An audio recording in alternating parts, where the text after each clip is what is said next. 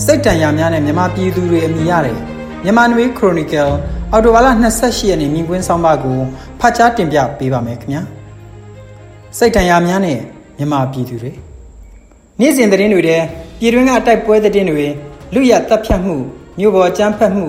ကြေးရွာတွေဝင်စီးပြီးတပ်ဖြတ်မှုကြေးရွာတွေနဲ့မြို့တွေပေါ်မှာစစ်ဆေးမေးမြန်းပြီး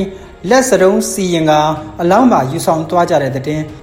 ရင်ပေးဆိုတဲ့ဆွဆွဲချက်နဲ့ နေအိမ်မှာလက်ဖက်ရည်ဆိုင်မှာပြစ်ခတ်တပ်ဖြတ်မှုတချို့သောဖြစ်ပျက်မှာဇနီးအရွယ်မရောက်သေးတဲ့ကလေးငယ်တွေအမျိုးသမီးတွေပါပြစ်တက်ခံရတဲ့အဖြစ်ပျက်တွေကနေ့စဉ်လိုလိုပါရှိနေတဲ့သတင်းတွေဖြစ်လာနေပြီးသတင်းဖတ်သူတွေအနေနဲ့လည်းလူတွေသေဆုံးနေကြတဲ့သတင်းမျိုးကိုခန်းစားချက်ကြီးမားစွာမဖြစ်ပဲဖတ်ရှုလာနိုင်ကြတာတွေ့နေရပါတယ်ဒီလိုတပ်ဖြတ်တဲ့သတင်းတပ်ဖြတ်ခံရတဲ့သတင်းတွေနဲ့အတူတခါတရံမှာမိမိကိုယ်ကိုအဆုံးစီရင်တဲ့သတင်းတွေကလည်း မကြမကြာပါရှိလာတာဖြစ်ပါတယ်။တရားပေါ်ကခုံချအဆုံးစီရင်တာတွေမြန်မာနိုင်ငံရဲ့ရန်ကုန်မြို့လိုမြို့ကြီးတွေသာမကအခြားသောနယ်မြို့တွေမှာလည်းဖြစ်ပွားတဲ့သတင်းတွေခက်ဆက်စိတ်တွေ့လာနေရပါတယ်။တပ်ဖြတ်တဲ့သတင်းတပ်ဖြတ်ခံရတဲ့သတင်းတွေဖတ်မိတဲ့အခါမျိုးမှာမိမိထောက်ခံတဲ့ဘက်ကအသက်ဆုံးရှုံးရ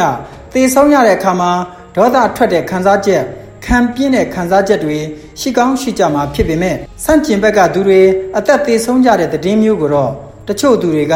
ပျော်ရွှင်အားရတဲ့ခံစားချက်အချို့ကဘာမှမဖြစ်သလိုခံစားချက်မျိုးနဲ့တုတ်ပြန်ကြတာမျိုးပတ်ဝန်းကျင်မှာတွေ့မြင်နေရတာဖြစ်ပါတယ်။ဘုံကွဲတဲ့သတင်းလောက်ကြံတက်ဖြတ်တဲ့သတင်းစစ်ကြောရေးလို့အမည်တက်ခေါ်ပေမဲ့လက်တွေ့မှာဗရေသရစ်ခေတုံးကလိုဘကွက်သားလို့ခေါ်ဆိုကြတဲ့ဖန်စီခံရသူတွေကိုနှိပ်စက်တပ်ဖြတ်ဖို့ခွင့်ပြုထားတဲ့ ရာဇဝတ်သားတွေတပွဲစစ်မေးရင်အသက်သေဆုံးကြရတဲ့တဲ့တင်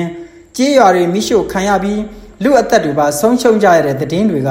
လူတွေရဲ့ခံစားချက်တွေကိုတစတစထုံလာစေပြီးခံစားချက်တက်ကြွစွာမရှိကြတော့တဲ့အခြေအနေမျိုးကိုလည်းမြင်တွေ့နေရတာဖြစ်ပါတယ်ဒီလိုသတင်းတွေနေ့စဉ်ဖတ်ရှုမြင်တွေ့ရပါများလာတဲ့အခါလူတယောက်သက်ဆုံးရှုံးခြင်းအတွက်တက်ပြင်းတရှိုက်တောင်မချဖြစ်တော့တာဘာမှခံစားချက်မထူးခြားတော့တာမျိုးလည်းဖြစ်လာသလို အချို့သောသူတွေအဖို့မှာတော့စိုးရိမ်မှုစိတ်ပြတ်မှုဘဝမှာရှင်သန်နေထိုင်ခြင်းရဲ့အတိတ်ပဲမဲ့ခြင်းစတဲ့ခံစားချက်တွေလည်းခံစားလာကြရတာဖြစ်ပါတယ်မိမိတို့ပတ်ဝန်းကျင်မိတ်ဆွေရဲ့အတိုင်းဝိုင်းတွေထဲမှာလက်ရှိဖြစ်နေတဲ့အခြေအနေအောက်မှာ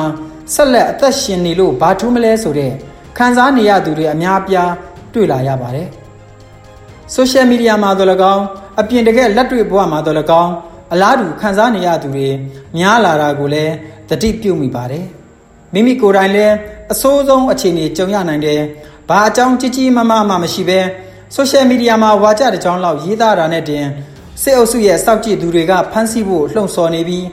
နေအိမ်ရှိစစ်ကောင်စီပကွက်သားတွေရောက်လာတာမျိုးလည်းဖြစ်နိုင်တယ်ဆိုတာတွေးမိတယ်လို့တစ်ဖက်မှာလည်းလမ်းသွားနေရင်ဈေးဆိုင်မှာဈေးဝယ်နေရင်ဘယ်အဖွဲ့ကဘယ်လိုတစ်စိတ်ကပ်ပြီးလောက်ကြံတက်ဖြတ်ခံရတာမျိုးလဲ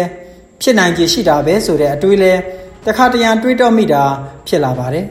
။နေ့စဉ်ဘဝတွေမှာလက်ဖက်ရည်ဆိုင်မှာထိုင်နေရင်နေအိမ်မှာနေနေရင်လောက်ကြံတက်ဖြတ်ခံရတာတွေလည်းဖြစ်နေတာကြောင့်ကိုကိုယ်တိုင်လည်းခံရနိုင်တယ်ဆိုတဲ့အတွေးမျိုးတစ်ခါတစ်ခါပေါ်လာမိတာမျိုးပါမြန်မာနိုင်ငံကလူထုတွေရဲ့စိတ်ပိုင်းဆိုင်ရာကျန်းမာခြင်းတွေက